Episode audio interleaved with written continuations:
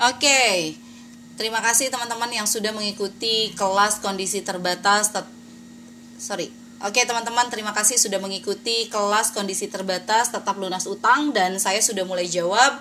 Sengaja saya juga buatkan di podcast supaya nanti teman-teman bisa tetap mengulang gitu kan pertanyaan dan apa jawaban saya. Oke dari Mbak Devita terkadang gara-gara hutang jadi mematikan gairah untuk semangat bekerja. Sudah keburu depresi. Mungkin karena kondisi ekonomi yang morat-marit bikin nyali itu hilang. Mau mulai usaha nggak ada modal. Mau jadi reseller udah baper duluan. Langkah apa yang harus diambil untuk bisa fokus pada semangat untuk gali potensi potensi jujur teh menata hati dan mental itu berat Oke teman-teman, ketika kita punya hutang seharusnya jangan mematikan gairah. Justru teman-teman itu harus bergairah karena kita punya harapan dan kita punya impian di mana hutang itu lunas. Jadi kalau teman-teman malah hilang gairah, ya sudah itu mah sudah kayak sudah e, jatuh tertimpa tangga dimakan buaya gitu kan. Jadi teman-teman itu punya utang harus dibayar. Ya sudah, semangatnya yang harus benar-benar e, kita push gitu kan mentalnya, mindsetnya harus benar-benar positif mau jadi reseller udah baper duluan. Ya jangan baperan. Kalau jadi baperan orang itu susah untuk berkembangnya teman-teman. Jadi langkah yang harus diambil adalah mindsetnya dibenerin dulu. Bahwa saya bisa saya oke okay, saya keren saya pasti bisa lunas utang. Ke tanpa modal pun saya bisa sukses. Kayak begitu teman-teman. Masya Allah banyak sekali. Rizki itu banyak. Menggantung di mana-mana. Allah kasih di mana-mana. Tapi yang menjadi masalah itu adalah banyak orang yang tidak paham bagaimana cara gali rizki. Dan kalau kita ngomongin tentang modal untuk berbisnis sekarang tidak punya modal pun bisa bisnis. Jadi reseller. Ini juga jadi marketer inskrip bisa tanpa modal. Gitu kan? Tinggal teman-teman kalau mau jadi marketernya inskrip tanya teman-teman ini masuk ke kelas ini dari siapa dan bilang saya jadi mau jadi marketer inskrip juga. Jadi yang pertama diperbaiki adalah mindset. Ingat, mindset mindsetnya harus sehat sehingga gerakannya menjadi sehat. Kemudian Santi bagaimana caranya supaya tidak gali lubang tutup lubang? Karena hutang A tidak terbayar maka saya berhutang ke B untuk bayar ke si A dan begitu seterusnya. Dagang ya. Ingat satu-satunya rezeki yang Allah kasih dan itu akan dibuka sebanyak-banyaknya adalah dengan berdagang. Dagang jadi reseller dulu nggak perlu bermodal dulu. Dagang dagang terus tambah ilmu untuk dagang. Kalau kita itu pengen nutup utang, jangan dengan utang. Jangan juga minta orang lain bayarin utang kita. Loh yang berutang kan kita. Kenapa orang harus bayarin? Gitu kan banyak sekali orang yang berpikir bahwa nutup utang itu bisa dengan jual simpati. Tidak, jual simpati tidak. Bayar utang dengan utang juga itu lebih berat. Yang harus dilakukan adalah berdaganglah, dagang, dagang, dagang begitu seterusnya. Kemudian uh, Mbak Ika, seberapa sering mengisi buat celengan jika penghasilan tidak pasti pekerjaan serabutan? Bikin jadi pasti, bikin pekerjaan itu jadi menghasilkan. Setiap hari harus punya target. Saya harus ngisi celengan itu setiap hari 100 ribu. Berarti minimal saya harus punya omset 1 juta. Gitu kan? Berarti gimana caranya saya bisa punya omset 1 juta? Belajar yang banyak teman-teman. Satu-satunya untuk menghilangkan hutang atau melunasi hutang adalah dengan belajar. Tambah ilmunya, bukan tambah stresnya. Tambah ilmunya. Terus ditambah ilmunya. Oke, okay. kemudian yang selanjutnya adalah dari Mbak. Oke. Okay dari Mbak Kisah Hanin. Teh saya kan sudah mulai jualan online setahun belakangan, tapi masih belum rame. Niatnya pengen bisa bantu suami untuk lunasin utang, tapi kodarullah saat ini suami konveksi kerjanya juga sepi. Paling seminggu dapat 100 ribu, bahkan buat makan sehari-hari sudah jual perabotan yang ada karena nggak mau hutang. Ini sudah bagus. Langkah yang bisa dilakukan agar tidak e, nambah hutang adalah dengan menjual aset. Aset yang ada jual aja. Kalau misalnya masih punya cicilan, balikin ke, ke leasing. Yang penting adalah langkahnya lebih ringan sehingga akhirnya pikiran kita tidak ter terlalu uh, berat. Oke, okay, jadi yang kemudian harus dilakukan apa? Dagang lagi, jualan online kalau misalnya masih belum rame, tambah ilmunya. Ikut kelas-kelas lagi di kita, tambah ilmunya. Jualan lagi, tambah ilmunya. Jualan lagi begitu. Ilmu yang didapatkan diimplementasikan untuk bisnis yang dijalankan. Baca buku, banyak brainstorming. Lihat orang-orang yang jualannya rame. Kok bisanya dia rame? Apa yang dilakukan? Begitu seterusnya ya Mbak Kisa. Jadi yang bikin rangka kita berat, yang bikin jualan kita berat itu karena kita kurang ilmunya. Jadi tambah ilmunya. Kemudian Mbak Yuyun, tapi bagaimana mengisi celengan kalau penghasilan sehari nggak sama dengan yang di, mau dicelengin? Nah ini jawabannya hampir sama teman-teman. Jadi pertanyaannya adalah gimana caranya celengan itu bisa diisi kalau penghasilan kita menjadi tidak jelas gitu setiap hari kadang banyak kadang sedikit kadang sedikit terus ya teman-teman harus punya uh, target yang jelas dan ilmu yang jelas yang akan digunakan untuk jualan sehingga akhirnya yang terjadi adalah jualannya selalu laris. Ya, ilmu akan memudahkan teman-teman. Mbak Farah, bagaimana kita menyampaikan ke suami jika kita sudah punya alokasi untuk nyicil hutang tapi diminta suami untuk berobat? Bagaimana mengajak suami bisa membantu untuk menyelesaikan utang modal patungan dengan suami? Komunikasi. Ya, semuanya akan dilakukan bersama-sama dengan suami, bukan jalan sendiri istrinya, tapi suami juga ikut berkontribusi dan komunikasikan itu. Hutang itu berat. Hutang itu kalau tidak di uh, di dunia tetap akan ditagi di akhirat. Hutang itu begini begini begini. Kita harus selalu komunikasikan dengan suami, jangan sampai bers dengan suami saja sudah nggak jelas gitu kan.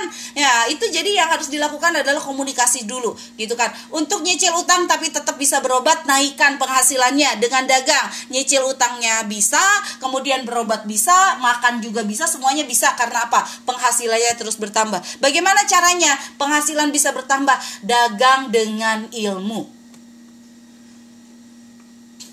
Oke, yang selanjutnya adalah Mbak Farah. Mbak Farah bertanya, bagaimana kita men eh sorry, udah ya.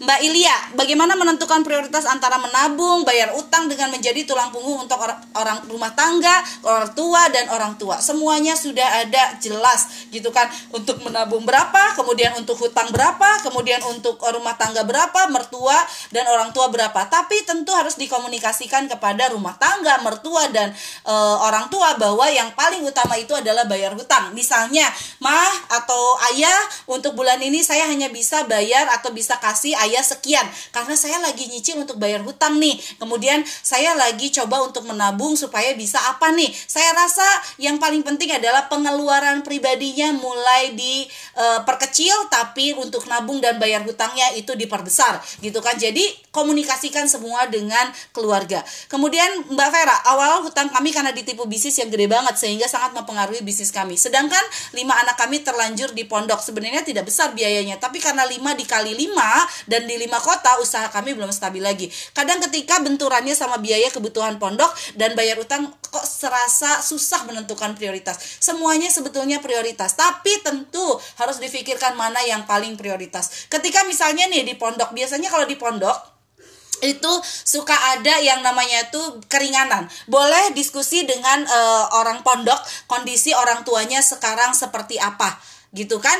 Ya kondisinya seperti apa dan apa yang harus dilakukan uh, oleh saya nih kondisinya lagi seperti ini. Jadi silakan pokoknya komunikasikan sebagus mungkin kondisi yang ada sambil kita terus bergerak gitu kan? Sehingga akhirnya prioritas-prioritas bisa kita bayarkan. Apa pun bentuk prioritas itu punya budgeting yang jelas. Saya setiap bulan harus bayar sekian atau kebutuhan saya dalam setiap bulan adalah 6 juta. Maka saya harus punya penghasilan dalam satu bulan adalah sekian. Bagaimana saya bisa mencapai sekian? Nah itulah tambah ilmunya, gerak lagi. Teman-teman, kalau kita ngomongin tentang tambah ilmu banyak banget. Kalaupun teman-teman misalnya tidak bisa ikut kelas-kelas saya, teman-teman itu sebetulnya bisa lihat di YouTube, kemudian lihat di mana pun. Karena ilmu itu jumlahnya sangat banyak, tinggal teman-teman berani untuk menjalankan atau tidak. Oke, okay, yang selanjutnya adalah dari Mbak Ana Musri ini. Saya ingin mendapat penghasilan pribadi buat celengan anak. Nah, saya pengen ik banget ikut jadi marketer inskrip buat tambahan pemasukan. Cara gabungnya gimana? Cara gabungnya adalah hubungi orang yang mendaftarkan Mbak Ana ke kelas kondisi terbatas tapi lunang lunas utang. Nanti minta saya pengen jadi marketer inskrip. Gitu aja ya, simpel. Kemudian Mbak Santi, bagaimana supaya tidak boros atau pengeluaran rumah tangga supaya tidak membengkak? Kadang saya sudah tetapkan pengeluaran harian 200 ribu, tapi pas praktek ada aja pengeluaran yang tidak terduga. Jadi tabungan buat bayar utang keambil lagi punya budgeting harus jelas, kemudian punya budgeting itu harus seminim mungkin, bukan semaksimal mungkin. Jadi kalau misalnya ada pengeluaran yang tidak terduga, itu memang sudah dibudgetkan pengeluaran tidak terduga. Kemudian kalau perlu ketika ada pengeluaran tidak terduga itu bisa digeser gitu kan jangan pada hari itu. Karena kalau kita ngomongin prioritas kita mah mama suka baperan bahwa semua hal itu adalah prioritas padahal sebetulnya tidak. Masih bisa digeser waktunya sehingga akhirnya tidak mengambil uang tabungan. Kemudian eh, Mbak Ilmi, teh dua bulan ini saya menjalankan usaha baru yang memang saya niatkan untuk cicil dan lunasi hutang. Karena bisa ngomset tiap harinya meskipun tidak besar seperti bisnis awal saya. Tapi efek efeknya jadi fokus sama usaha baru ini yang bisnis lama jadi agak carut marut. Ini terkait dengan manajemen waktu Tuh, ya teman-teman, manajemen waktu saya sendiri juga menjalankan 8 bisnis, tapi saya masih tetap tetap bisa handle semua karena saya bikin manajemen waktu. Kapan saya ngurusin bisnis yang ini, kapan saya ngurusin bisnis yang ini, kapan saya bis, ngurusin bisnis yang ini. Yang saya lakukan adalah tetap punya bisnis yang saya prioritaskan, gitu kan. Kalau di sini misalnya Mbak Ilmi bisnis prioritasnya itu adalah bisnis yang lama. Ya udah fokusnya ke sana bisnis baru itu adalah sebagai tambahannya. Kemudian Uh, gimana ya teh? Saya fokuskan dulu yang ini memang saya andalkan buat lunas hutang. Oke okay, fokuskan yang bisa diandalkan untuk lunas hutang selunas apa gitu kan? Ya jadi uh, se sebagus apa bisnis ini harus benar-benar dievaluasi juga. Jadi ada bisnis yang memang benar-benar bisa mendatangkan uang setiap hari. Kalau bisnisnya memang benar-benar bisa mendatangkan uang setiap hari harus tahu ilmunya. Sehingga memang uang datang setiap hari bukan menghancurkan bisnis yang lama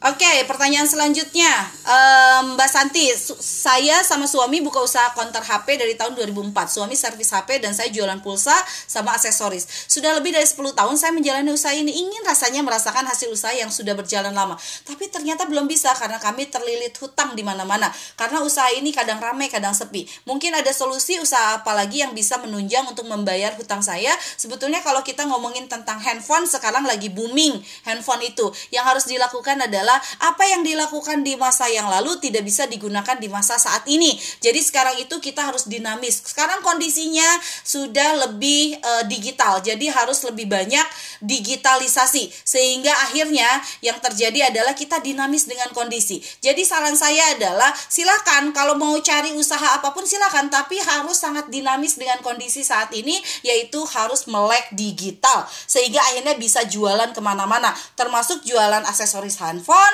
jualan pulsa pun bisa ke mana-mana. Sudah nggak perlu lagi kita cuman duduk dan nungguin orang atau kita didatangin sama bola. Kita yang harus jemputin bola.